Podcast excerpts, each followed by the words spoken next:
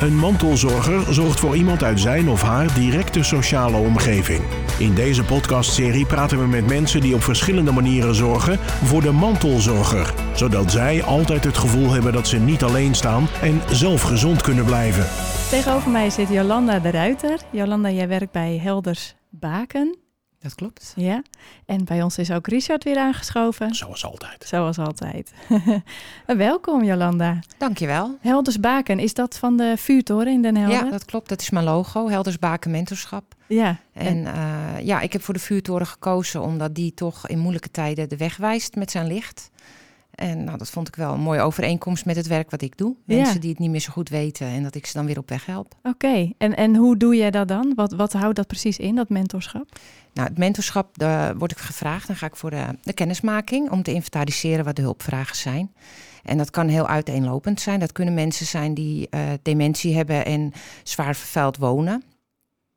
Dan gaan we kijken wat is er nodig om deze meneer of mevrouw nog zelfstandig te laten wonen. Of is het misschien beter dat iemand opgenomen wordt in een beschermde omgeving. Ja. Andere mensen die kunnen nog wel zelfstandig wonen. En dan zet je thuiszorg in, eh, eh, huishoudelijke ondersteuning, eh, dat soort zaken. Ja. En je zegt net, ik word gevraagd. Is het dan niet degene met de hulpvraag zelf die jou benadert? Nou, dat kan ook. Ja, dus ik heb ook mensen die zelf het mentorschap aanvragen. Ja. Vanwege een depressie waar ze niet uitkomen. En graag een, iemand naast zich willen hebben die het medische gebied in de gaten houdt. En, en moet er dan altijd iets aan de hand zijn, zeg ik even tussen aanhalingstekens? Of eh, kan ik ook gewoon het mentorschap aanvragen? Nou, er moet wel iets aan de hand zijn. Ja? Ja. Ik, ben, ik word wel wettelijk vertegenwoordiger. Dus ik mag ook uit jouw naam, eh, ben ik handelingsbevoegd. Oké. Dus dat is best wel een zware maatregel. Dus ja, dan moet je wel iets hebben. En, en handelingsbevoegd, wat, wat houdt er dan precies in? Dat houdt in dat ik ten alle tijde alle medische gegevens op kan vragen. Eh, ik kan beslissen dat iemand niet meer zelf thuis kan wonen. Daar ga ik dan een beoordeling voor aanvragen. En wordt die toegekend, dus dat de, die psycholoog zegt van nou, dat kan inderdaad niet meer, dan wordt er een rechterlijke machtiging aangevraagd. En daarvoor moet ik alle, onder, alle stukken ondertekenen. Ja, dus het is ook echt niet zomaar iets eh, Nee, als nee. jij wordt ingeschakeld. Nee, ja. Door, wie, door wie word jij dan ingeschakeld eh, bijvoorbeeld? dat kan dus door de persoon zelf zijn, dat kan door de hulpverlening zijn, dat kan via de rechtbank zijn. Eh, heel vaak via bewindvoerders, die dan eh, cliënten krijgen voor bewindvoering, maar eigenlijk meteen al zien dat er veel meer ondersteuning nodig is op het gebied wat hun niet geven. Ze komen binnen zeg maar omdat er een financieel probleem is. En dan duiken ze daarin en dan zien ze van... oh, maar wacht even, dit is veel groter dan... eh, Ja, en soms is dat ook andersom. Dat ik word ingezet als mentor zijnde en zie dat de brieven niet worden opengemaakt. En dan, dan zet ik eh, bewindvoering weer in. Ja. Ah ja. En, Ja. en wat, wat zijn jouw grenzen? Wat doe jij wel en wat doe jij niet? Eh, nou, ik doe niks met geldzaken. Oké. Want daar ben ik niet toe bevoegd. Dat Nee. is echt voor een bewindvoerder. Ja, en voor de rest doe ik eigenlijk heel veel. Eh, hulp in de huishouding bijvoorbeeld? Je zei net oh, nou, iets dat over zet ik in. Ja. Dat zet je dan in? Ja, ik zet in en ik monitor de hulpverlening die dan is ingezet. eh, of ze hun werk wel goed doen en of Ja. de klik met de cliënt er nog is en of het nog passend is. eh, of meer uren nodig zijn, minder uren nodig zijn. Ja. Jij bent eigenlijk degene met de helikopterview. Ja, ik heb de regie. Ja. En, Ja. en ehm, hoe, hoe gaat dat eh, in de praktijk in zijn werk? Want ik kan me voorstellen dat als jij ergens bent ingezet, dat degene die, eh, die waarvoor de hulp is ingezet, daar niet altijd heel erg blij mee is. Nou ja, dat, dat, eh, dat, dat heb je wel eens. ja. dat mensen daar niet zo blij mee zijn. Hoe, hoe kan ik nee zeggen zonder Ja. nee te zeggen? dat is, wat, ja, ja, dat is een goeie. Ja, ik, ik ben echt voor de cliënt. Ik sta ernaast. Dus alles wat ik Ja. doe is in het welzijn van de cliënt. En dat kan de cliënt niet altijd zien. Nee. Mm. Maar dan accepteer ik dat ze niet zo blij zijn met me. Maar ik ga wel voor het welzijn van de cliënt. Ja. Verandert dat dan gedurende zo'n proces als ze in de gaten krijgen wat je voor ze doet? Wat verandert het dan? Nou ja, dat zo'n eh, zo'n cliënt, hè, die, eh, die wordt dan geconfronteerd met het feit van, eh, ja, wie is dit? En die komt me even vertellen dat zus en zo, want dat is dan, neem ik aan, vaak de reactie. Ja. Maar als ze dan op een gegeven moment zien dat dingen inderdaad op een gegeven moment gewoon gestructureerd en geregeld worden, verandert die houding dan ja, die verandert heel erg. Oké. Ik, eh, ik heb bijvoorbeeld heel veel mensen met dementie krijg ik binnen vanuit Geriant ook. Mhm. En die zijn, ehm, ja, die zijn heel erg verwaarloosd. Eh, maatschappelijke teleurgang, een huis wat sterk vervuild is, niet meer eten. Ja, die, die kunnen gewoon niet thuis blijven wonen. Dus dan start ik dat op.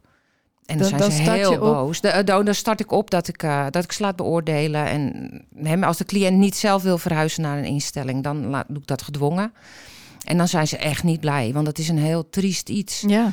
Want op zo'n moment pak ik eigenlijk iemand op. Ik zet ze in een huis. Ja. Ik, uh, ik haal de waardevolle spullen voor die persoon uit het huis en de meubels wat past in het kamertje waar ze in wonen. En de rest laat ik ontruimen en we zeggen de huur op. Ja. Dus dat is, dat is heel ingrijpend in Ja. mensenleven. En uiteindelijk zie ik dan wel dat de mens weer verzorgd wordt. Ze worden gewassen, ze krijgen weer eten, ze doen leuke dingen. Er komt weer een dagritme. Ja, en dan zijn ze wel heel tevreden uiteindelijk. ja, dus jouw werk stopt dan ook niet op het moment dat ze in een verzorgingshuis Nee. zitten? Nee, ik ben in principe tot de dood. Oké. Ja. Ja. En, en hoe zie je dan, want eh, iemand met dementie, ja, die, die zijn, zijn co- cognitieve ver- vermogen gaat achteruit. Hè? Hoe zie je dan toch dat, dat zo iemand zich toch een plekje eh, heeft weten te eigen te maken in zo'n huis? Waar Ja. jij diegene hebt neergezet. Dat zie je aan de tevredenheid. Ja? Ja, mensen die gewoon gezellig aan de koffietafel zitten, die het prettig vinden om eens mee te helpen aan de, aan de maaltijd klaarmaken of boodschappen doen. En, Ja. Ja, en ze zeggen het ook, ik woon hier zo heerlijk, ik vind het zo Ja. fijn. En dat kunnen ze dan niet meer terughalen dat dat, hè, dat, dat een moedje was. Ja. Maar gewoon op dat moment voelen ze zich prettig waar ze zijn. Ja. En, Ja. en ook richting jou dan, denk ja, ik. Ja. En eh, hoe, hoe, gaat dat dan, eh, hoe gaat dat dan verder? Want iemand zit in een huis en je zegt het tot aan hun dood. Maar wat, wat zijn dan verder nog voor... eh, Nou, dan heb je nog de contacten met, met familieleden die je onderhoudt. Maar Ja. ik ben ook bij de zorgplanbesprekingen en de multidisciplinaire overleggen, de MDO's. Ik heb contacten met artsen. Er moet wel eens medicatie bijgegeven worden of afgeschaald worden. En of mensen vallen, dat krijg ik dan te horen. Ja, ja, ik doe ook altijd een, eh, het beleid van niet reanimeren bespreken bij de instelling. oké. Gaan we nog wel insturen en zo ja, waarvoor? Dat doe je En, dan. doe je dat dan ook nog als er familie eh, bij aanwezig is? Want Ja. wat, waar, wat is dan de reden dat jij dat soort dingen oppakt? Vaak is er onmin in de familie. Oké, Of er zijn verschillende kinderen die het met elkaar niet eens kunnen worden. Ja. Dat kan ook. Of er is een, een enorm jeugdtrauma geweest, waardoor ze het contact niet meer willen. En ik zie nog wel gebeuren dat als eh, kinderen beseffen dat hun ouder inderdaad dementerend is, dat het contact voorzichtig hersteld wordt. Dus dat begeleid ik dan ook als die personen dat willen. Dan ga ik eerst samen met ze er naartoe. ja. Maar de regelszaken, ja, daar, daar kun je dan mensen niet mee gaan belasten als die nog heel voorzichtig hun relatie aan het herstellen zijn. Nee, precies. Maar- Hoeveel, hoeveel- oh, sorry. Ja, of hoeveel, voor hoeveel mensen... Want ik, ik ben echt ik ben heel erg onder de indruk van wat ik allemaal hoor. Voor hoeveel mensen kun je dit doen? Ja, dat is verschillend. Ik ben aangesloten bij de BNPM. Dat is eh, bewindvoerders en professionele, men- me- professionele mentoren. Dat is een groep van acht mentoren op dit moment en een bewindvoerder zit daarbij. En ja, ik heb een collega die heeft 80 cliënten. Nou, dat ga ik niet redden. Ik zit nu, ik ga richting de 45. Nou, je zegt, dat is je al zegt heel alsof veel. het weinig is. Ja, Nee, ik vind nee. dat... Nee, maar er is gewoon een enorm tekort aan professionele mentoren. En Ja. ja, iemand die vervuild in zijn huis zit, daar kan ik geen nee tegen zeggen. Ja, En het is voor mij ehm, wel druk, maar het is geen werkdruk, omdat ik dit, ja, ik doe dit al acht jaar. Mensen met dementie eh, begeleiden vanuit hun huis naar een instelling. Dus ik heb daar geen werkdruk van. nee. Ben, ben je wel zelf over je grens gegaan? Dat je, dat je, oh ja, ja, maar deze, die kan ik echt niet weigeren, want anders gaat het verkeerd. Oh, die ook niet. En, die, en dat het dan, dat je op een gegeven moment toch bij jezelf denkt van misschien, moet ik er Nee. misschien eentje doorschuiven naar een collega of... Nou, ik, ik schuif wel. ehm, kijk, ik krijg natuurlijk van alles binnen, ook via de GGZ. En ik kijk nu wel, nu ik zo'n bestand heb, van nou, wat kan ik aan? Ja. Dus de hele zware klanten, ja, die neem ik niet aan. Nee. Want Eh, hoeveel uur in de week werk je dan? Ja, dat is verschillend. een mentor is 24 uur per dag altijd bereikbaar. Dus dat, dat kan altijd. Ik heb een noodnummer voor als mijn, mijn reguliere telefoon uitgaat. En dan ben ik altijd op te bereiken. En Dus ook midden in de nacht? ook midden in de nacht, altijd. Word je vaak gebeld midden Nee. in de nacht? Oh, Nee, nee, want ik heb met het verzorgingshuis ook afgesproken dat er mocht er wat gebeuren na 11 uur 's avonds, iemand komt te overlijden, dan hoef ik niet gebeld te worden. Want Nee. ja, het klinkt heel gek, maar als iemand zijn laatste adem uitblaast, ben ik ontslagen. ja. Oh ja. En dan ben ik ook niet meer handelingsbevoegd. Dus ik mag niks meer dan. Oké, dus je kan dan ook niet, bij wijze van spreken, de begrafenis, eh, de uitvaart Nee. regelen. Nee, dus ik doe altijd van tevoren zover mogelijk met mensen bespreken de wensen naar overlijden. Ja. En als er geen familie is die de uitvaart kan oppakken, dan, ehm nou ja, dan zijn we vast een notaris in dat het eraan zit te komen. Dan pakt die het op. Dat vind ik wel bijzonder. Dat is wel een goede wat jij inderdaad eh, zegt, eh Monique. Want dat is eigenlijk gek. Hè? Je, je, Ja. hebt, je, hebt, je, bent- je, je hebt de volledige regie over eigenlijk het leven van Ja. iemand. En dan het laatste stukje, hè? De, de, de laatste reis, zeg maar, daar mag je je niet Nee. mee bemoeien. Nee, we hebben daar inderdaad eh, met mijn groep ook eh, een gesprek over gevoerd bij de Ja, rechtbank. Want ja. wij, weet je, het is niet alleen dat je, de, je, je, je bouwt een band op. Want, Ja. want, want, hoe, want ik, weet, ik weet dan toevallig uit eigen ervaring. eh, daarna moet er ook nog eh, financieel moet er nog wel eens het een en ander geregeld worden. Hè? Met, met lopende bankzaken en rekeningen die opgeheven moeten, opgeheven moeten worden, eh, et cetera. Maar dat, Huizen. ja, huizen. Ja. eh, en, maar dat hoef jij dus allemaal niet. Nou, dat, nee, dat stukje sowieso niet, want dat hoort bij bewindvoering. Oh ja, Oh. je zei financieel deed je, de, nee, deed je niet. maar goed, die, die mag ook niks meer doen. Dus eh, het is, het is een hele rare constructie. ja. Ja. Ja. Ja. Ja. Want wat gebeurt er dan, stel dat zo iemand overlijdt, die heeft helemaal geen familie meer? Dan gaat de notaris dat regelen. Oké. Dus Ja, dat, daar echt- hebben wij ook contacten mee, want Ja. het gebeurt natuurlijk nogal eens. Ja, ja. Ja. Dus je probeert aan de voorkant dan zoveel mogelijk te regelen. En eigenlijk als, als iemand dan zijn laatste adem uitblaast, dan wel, ben Kun je, ook... een, kun je een pakket afleveren Ja. en dit zijn de wensen en deze mensen moet je bellen. Maar Ja, ja, goed, in de praktijk werkt dat natuurlijk wel iets anders. Want ja, ik heb ook wel eens samen met de bewindvoerder iemand eh, in zijn stoel gevonden die was overleden. ja. En dan loop je niet de deur uit en zeg je, nou, wij zijn ontslagen. Weet je, dat doe je niet. Die, Nee. Dus toen hebben we ook gewoon de uitvaartondernemer gebeld. En eh, ja, we zijn er gewoon bij gebleven. ja. En we helpen daarbij dan. ja. Ja. En, en zo'n band hè, die je dan op, eh, opbouwt met zo iemand. Brengt dat jou zelf ook wel eens in problemen? Dat je denkt, nou wat Richard net ook zei, hè, ga je daar wel eens je grens over? Nee, Hoe, hoe, maak je dat onderscheid? Hoe, hoe stel je de grens? ja, dat is gewoon werk. En Ja. ik, ga, ik ga niet eh, te veel mee in het privéleven. eh, ehm, ik meng me niet in het privéleven waarin ik zelf een rol zal spelen. Zeg Nee. maar. Ik ben echt de hulpverlener daarin. De Kan, dat dienstverlener. kan natuurlijk ook niet, want je Nee, wordt hartstikke, je, wordt, je, wordt, je, gaat, je draait zelf door. Ja, Ja. dat kan niet. Ja. Nee, dat kan niet. Nee. Nee, je moet wel die professionele houding hebben, want Ja. het, is, het, is een, het is een zwaar beroep. Ja, Ja, Hoe, hoe, hoe ben je erin terechtgekomen? Nou, dat is heel grappig. Ik, Oh, eh, nou, nou, nou, dan maak ik, maak ik me er even klaar voor. Ja. ja. ik, eh, mijn contract werd niet eh, verlengd bij een bedrijf. Dat was iets heel anders. Ik zat in de offshore op dat moment. Ik had een uitstapje gemaakt. Oh. En toen was er een bewindvoerder die Was, zei... was jij zo iemand met zo'n oranje overal die dan met zo'n hele grote sleutel... eh, eh, Nou, net niet. dat zijn de beelden van de offshore die ik heb natuurlijk. Nee, ik was aan het inchecken. Oh, oké, oké. ja, ik was de grondstuurder. Oké, ja, ja. Maar dat was niks voor mij. Nee. Ehm, ja, dat werd niet verlengd. En toen zei een eh, bewindvoerder van... Jolan, ik heb mensen en die hebben zoveel meer ondersteuning nodig. Word alsjeblieft mentor. Nou ja, ik zeg, dan moet ik eens kijken wat het is. En ik had, dus ik ben gaan googlen. Ik ben zelf 12,5 jaar cliëntbegeleider geweest bij STG Rijgersdaal. Dus het zat er wel Dus- een beetje in al. Ja, Ja. ja. ja, mijn hart ligt wel in de, in de zorg inderdaad. Nou, en toen, toen had ik een uitkering van het UWV. Want ik had geen tijd om een nieuwe baan te vinden. Ik had twee weken de tijd. En eh, nou, van daaruit ben ik als zelfstandige gestart. Bedrijfsplan geschreven, dat was goedgekeurd. En eh, toen konden de cliënten ingeschreven worden. ja. Ja, eerst nog een sollicitatiegesprek bij de rechtbank. Want je moet wel toegelaten worden. Nou, en toen was ik eh, benoemd. En toen mocht ik gaan starten. ja. Dus eh, toen En- had ze tien cliënten voor me klaarstaan. Oh, Oh. Ook meteen tien. Ja, maar die heb ik niet meteen gekregen. Want in die periode had de rechtbank enorme achterstanden. Dus dat heeft minstens vier maanden geduurd. Oké. Oké. Ja. Want Ik, ik neem aan dat je ook wel een soort inwerk... Je hebt natuurlijk wel wat eh, ervaring, maar je hebt ook wel inwerkperiode nodig, denk ik. ja, maar die krijg je niet als zelfstandige. Dus ik ben gewoon in het gat gesprongen. Oké. Met de kennis die ik heb. Ja, Of Nou had, ik heb nu veel meer kennis dan toen natuurlijk. Maar eh, Heb je toen wel eens gedacht van, waar ben ik allemaal oh jee, oh, dat denk ik nog wel eens.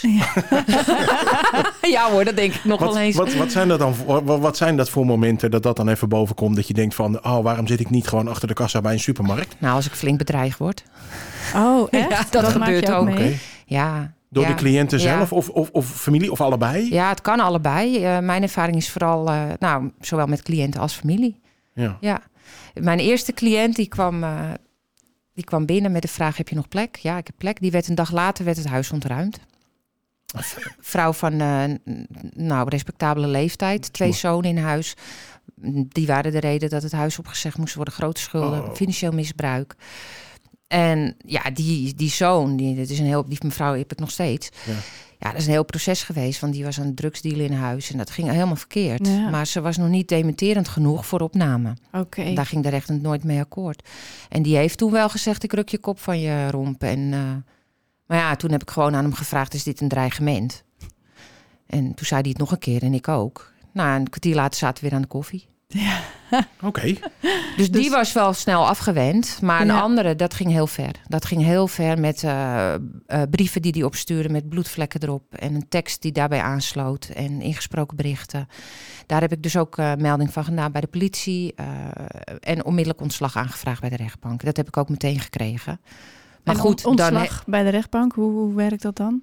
Nou, ik, ehm, als je als mentor wordt je aangesteld door de rechtbank. Dan gaat een verzoek naar de rechtbank. En Ja. daar krijg je een beschikking van. En dan ben je dus verantwoordelijk voor die cliënt. Ja. Maar op het moment dat ik daar niet meer verantwoordelijk voor wil zijn, omdat ik bedreigd ben, eh, kan ik dus een verzoek tot ontbinding aanvragen bij de ja, rechtbank. precies. Ontbinding met betrekking tot die Van klant. het mentorschap, ja. Ja. Ja, Maar dat, maar dat komt dus ook je privéleven binnen. ja. Dat doet wel wat met je. Ja, want ik, ik weet niet, ik bedoel, heb je een, een vriend, ben je getrouwd, heb je kinderen? Eh, Nou, ik heb, al, ik heb al dit jaar 26 jaar verkering. ke- ke- keurig. Keurig. Hand- handjes boven de lakens. ja, nou, ja, dan- ja, ja, we hebben ja. wel twee kinderen, dat dan weer wel. Oh, dat, dat Ja. laat zich dan wat moeilijk verklaren. Ja, ja, dat, ja. oké. Ja. ja. Maar nee, ik bedoel, hoe vinden die dat? Nou, over het algemeen vinden ze het reuze interessant, al mijn verhalen. En met, met deze zaak, ehm, dit is dan eenmalig geweest in deze mate. Ja, Ja, dan krijg ik daar wel steun en luisterend oor in. ja. maar ho- dan heb je dat ontslag ingediend bij de rechtbank. Maar ik neem aan dat dan het, het bedreigen niet zomaar ophoudt, of wel? Nou ja, nee. Daar kun je dat natuurlijk niet mee afwenden. Nee. Maar goed, ik, ik huur een kantoor met een, een adres, dus het komt niet bij mijn thuis binnen. Nee. Maar hoe is dat uiteindelijk afgelopen? Het is, eh, hij is gewoon gestopt met bedreigen uiteindelijk. Ik heb hele keurig nette sms'jes gestuurd dat ik niet gediend ben van deze toon. En eh, ik het jammer vind dat het zo is gelopen. En, eh, Ja, en dat gewoon blijven herhalen als een mantra. Op een Ja. gegeven moment is het wel gestopt. Maar ja. dit, dit is al even, even, even geleden. Dit is al even geleden, ja. Ja, ik hoor het aan het feit dat je zei, ik heb sms'jes gestuurd. Oh, maar die doe ik nog wel eens. Want Ja, niet al ja. mijn cliënten Die hebben, hebben- een, eh, een dusdanige telefoon Ah, oké, dat ze ja. kunnen whatsappen. Dus Ja. eh, ik, Ja. eh, ik sms nog steeds met cliënten. Ja, ja, Goed. en nostalgie. ja. Nou ja, dat is, ik, heb het, ik doe het ook wel eens hoor. Gewoon Ja. pff, niet verder vertellen hoor. Ja, Hey, maar dit, dit zijn best wel zware kanten van jouw beroep. Wat maakt jouw werk nou zo ontzettend mooi en leuk? Nou, wat ik echt het allermooiste vind, is echt mensen uit een verwaarloosde situatie plaatsen. Waar ze goed verzorgd worden en waar ze dus eh, zichtbaar gelukkig zijn. Ja, Dat maakt voor mij echt het werk heel mooi. ja, Maar Jij, je bent eigenlijk een soort procedurele mantelzorger voor heel veel mensen. Ja, dat denk ik ook. Ja. Want, want eh, word je wel eens ingeschakeld door mantelzorgers bijvoorbeeld? Of heb je wel eens te maken met mantelzorgers die misschien eh, het werk niet aankunnen wat er van ze gevraagd wordt, zou ik maar zeggen, voor de, voor de hulp? eh, Ja dat, ja, dat heb ik natuurlijk wel. Dat zijn, dat zijn de familieleden ja. die vaak die taken doen. En ik zeg altijd, ja, je kan het beste maar gewoon kind zijn. Want er komt zoveel bij kijken, bij zoveel geregel. Mhm. En dan heb ik liever dat hun gewoon de band als kind en ouder hebben... en dat ik al die regelzaken wel regel. ja. Ja, Ja. Dat, dat je band niet verandert omdat je zoveel dingen moet regelen. Dat je eigenlijk een soort van eh, nou ja, mentor wordt, Ja. zowat. In Ja. plaats van het kind van, eh, van een ouder met dementie of, of wat, eh, wat voor aandoening dan ook. Ja, en als kind heb je natuurlijk je emoties daarbij... waarin je ziet Ja. dat je ouder achteruit gaat. Ja. En dan moet je een stukje afscheid nemen van ja, hoe het altijd is geweest. En dat kan heel pijnlijk zijn. Ja, Maar, jij, maar jij zit toch sowieso op dat snijvlak van, ik zal maar zeggen, harde en duidelijke procedures en emotie. Ja. Dat is, dat is, eh, dat is echt wel een kruispunt waar jij... dat is een kruispunt. Want, want eh, even terug naar wat, wat Monique ook vroeg. Hè? Heb je dan een inwerktijd? Nee, zeg jij, want je bent zelfstandig. Dus eh. Ja. Maar is er iets van een, van een opleiding dan of zo? Is er iets wat je... eh, Of, of, of is het iets wat je gewoon in principe kunt gaan doen... als je door de rechtbank goedgekeurd bent, zeg maar? Ja, want de, de rechtbank die eist wel een bepaalde opleidingservaring ervaring en ja. niveau. Het is, het niet, het is MBO 4, dus het is geen HBO-functie, maar je moet wel passend hebben. Eh, Dus ja, als verpleegkundige wordt dat lastig. Als je wijkverpleegkundige bent, waarbij je ook echt bij de mensen thuis komt, dan is het weer wat anders. maar Dus die opleiding. eh, dus je, het is geen specifieke opleiding. er is geen, nee, maar Nee. die opleidingen die jij had, die waren wel voldoende Ja. om dit vak te gaan doen. Ja, Zijn er dan ook bepaalde cursussen, trainingen? Ja, die zijn er. Ja, zeker bij Stichting Mentorschap. Die werken dan met eh, mentoren op beschikking die vrijwilligers hebben die het werk uitvoeren. Ja. Die werken wel anders dan professionele bewindvoerder, eh, mentoren. Dat is niet hetzelfde. En die worden wel opgeleid daarin. Die Ja. krijgen cursussen. Maar hoe die eruit zien weet ik niet, want die heb ik niet gevolgd. Maar hoe, hoe, hoe, hoe heb jij dan uitgevonden? hè? Je, je, je begon, nou, eh, de rechtbank had een achterstand, maar op een gegeven moment kreeg je die tien klanten over de schutting eh, gegooid. Nou, dan moet je gaan kijken wat er moet gebeuren. Hoe, hoe vind je dan je weg? Nou, die wist ik al, want ik had 12,5 jaar ervaring als ambulant cliëntbegeleider, waarin ik dit soort dingen ook allemaal regelde als geen mentoren. Want Ja. mentorschap is een relatief nieuw beroep. Ja, dus dus- ik heb in mijn tijd bij STG Rijgersaan nooit met een mentor gewerkt. Dus wij Nee. moesten dat doen. Ja, Wij noemden onszelf ook mentor. Dus Ja. ja, die sociale kaart die wist ik wel. En de Ja, wegen ook. En ik De had mijn lok- kennissen. Loketjes en de, Ja. en de plekken Ja. waar je... Ja. Oh, Oké. want, want dat is misschien ook de reden dat er te weinig mentoren zijn. Ja, ik, dat denk ik. Dat er gewoon nog niet zoveel bekendheid ook Ja. is. Ja. Is dat ook jouw, eh, jouw doel? Of in ieder geval een van jouw taken om, eh, om toch meer mentors te werven? Nee, dat is niet mijn doel. Nee. Ik, ik zeg het wel tegen iedereen die ik tegenkom en zeg: Goh, wat heb jij een interessante baan? Dan zeg ik: Nou joh, we kunnen er nog wel een paar gebruiken. Ja. Maar het is, het is gewoon heel pittig. En er is een, eh, een zware kwaliteitseis eh, waar je aan moet voldoen. Eh, nou, eigenlijk een hele rij met eisen. ja. En het kost Noem- ook noem- veel geld. Noem, noem, noem er eens een paar. Wat, wat, wat zijn nou van die typische eisen waarvan je zegt, nou ja... Dat, dat- nou, dat is vooral ook op het financiële vlak. Je moet een bedrijfsaansprakelijkheid hebben. eh, Oh ja. Het is ook een arbeidsongeschiktheidsverzekering. Mhm. Die heeft niet iedereen. Want het is een, ja, voor mentor valt het wel mee. Maar goed, je moet het wel regelen. ja. Eh, je moet eh, een, een audit elk jaar. Elke twee jaar heb je ook een financiële audit. Dus dan is je Mhm. dubbel op. Ehm, ja, wat heb je? Dat, dat klinkt ook wel als wat een doorsnee ZZP'er Ja. moet, eh, moet doen. Ja. Wat maakt het dan dat het mentorschap eh, zoveel lastiger is dan, dan zeg maar een, een, een, een ZZP'er die een ander vak heeft gekozen? Ja, geen idee. Wat, wat maakt het anders? Nee, nee, maar eh, stel dat ik morgen naar de rechtbank ga en ik zeg... nou, ik heb eh, een hele interessante mevrouw gesproken... en ik heb besloten, ik word mentor. Ja, nou, ja. dan moet je al je diploma's overleggen. Je moet een VOG aanvragen. Nou, ik heb ABC heb ik. En, eh, en, VOG zal ook niet echt een probleem zijn, hoop ik. En, eh, nou, en dan? Nou, als je een, een passende niveau 4 opleiding hebt en je komt door de audit heen, Ja, dan kun je starten. Ja. oké. Maar een, een, een, ehm, eh, die opleiding die jij noemt, dat is natuurlijk een zorgopleiding. En als je kijkt nu naar de zorg, da- dan is daar ook al een tekort in. Ja. Dus dat betekent eigenlijk dat, ehm, nou ja, zoals ik het zou zien, je, je vult eerst de zorg op met daar de tekorten en dan pas het mentorschap. Waarom moet je per se zo'n zorgachtergrond hebben? Nou, dat is omdat je anders niet genoeg kennis hebt. Ik, ik- wij, we hebben toevallig een, eh, een nieuw lid gehad. eh, en die was manager geweest. Die was, die was door alle theoretische audits en goedkeuringen en eisen was hij doorheen gekomen. Alleen die had geen idee hoe hij een aanmeldformulier moest invullen. Ja, Ja, en daar struikel je op. ja, ja want Ja. En hij wist inhoudelijk in de praktijk gewoon niks. Want nee, hij wist het op managementniveau, maar niet vanuit de werkvloer. En daarom is het wel heel belangrijk dat je ervaring hebt op de werkvloer. ja, Dus ja. je moet de wegen kennen. Is, is het niet wenselijk om eh, mentoren in te schakelen al eerder in het proces eigenlijk? Om te voorkomen dat, dat het zover komt als dat het nu vaak komt voordat jij wordt ingeschakeld? Ja, dat zou wel kunnen. Maar dan moet je, er moet wel een hulpvraag zijn. En als Ja. er dan geen hulpvraag is, omdat het er nog niet is, Ja. ja, dan, dan is dat ook zonde. Nou, ik, ik heb nu vaak het idee dat mensen eerst altijd even de afgrond in moeten. en, dan, en dan rapen we ze weer op. Hè? En als iemand eh, zijn balans staat te houden op die, op, die, op, die, op die rand, dan zeggen we ja, maar ja, hij zit nog niet in de afgrond. Ja, maar dan, dat, daar, daar, ben ik, daar zit ik eigenlijk, hè, in dat proces voor die afgrond. Oké. En ik heb ze soms wel dat ze al eh, gevallen zijn. Maar Ja. ik heb nu ook een man die is pas komen wonen, vrouw overleden. En eh, ja, die moet geplaatst worden. Hij mag niet meer wonen waar hij woont, te veel overlast. Maar ik weet niet wat deze man heeft. Is hij dementerend? Is het GGZ-problematiek? Is het verstandelijke beperking? Is het niet aangeboren hersenletsel? Een ernstig ongeluk gehad? Dus nu ben ik met hem eh, bij artsen aan het onderzoeken. En vrijdag krijg ik van alle onderzoeken de uitslag. Ja, en dan weet ik waar ik hem kan plaatsen. ja. Dus En- die is nog niet helemaal gevallen. Die bungelt flink, flink. Maar ik Maar- moet wel weten wat hij mankeert. Anders weet En, ik en niet hij stel nou moet. dat daar niks uitkomt hè, uit, al die onderzoeken. Hij mankeert in feite niks. Dan kan jij ook niks, denk ik. Ja, maar hij mankeert wel duidelijk iets. Oké. ik weet alleen nog niet in welk vakje. Nee, precies. Nee. Dus daar gaat het om. In welk Ja, ja. vakje moet hij gestopt worden? Ja. Ja. Nou, mooi. Dankjewel uh, Jolanda. We zijn alweer aan het eind uh, van ons gesprek gekomen. Ik denk dat we echt nog wel langer hadden ja. kunnen doorpraten. maar helaas. Uh, wil je nou meer weten over dit onderwerp? Ga dan naar onze website mantelzorgcentrum.nl. Bedankt voor het luisteren en tot de volgende keer. Dit was Mantelzorger. En nu een samenwerking tussen Streekstad Centraal en het Mantelzorgcentrum. Meer informatie over mantelzorg is te vinden op mantelzorgcentrum.nl.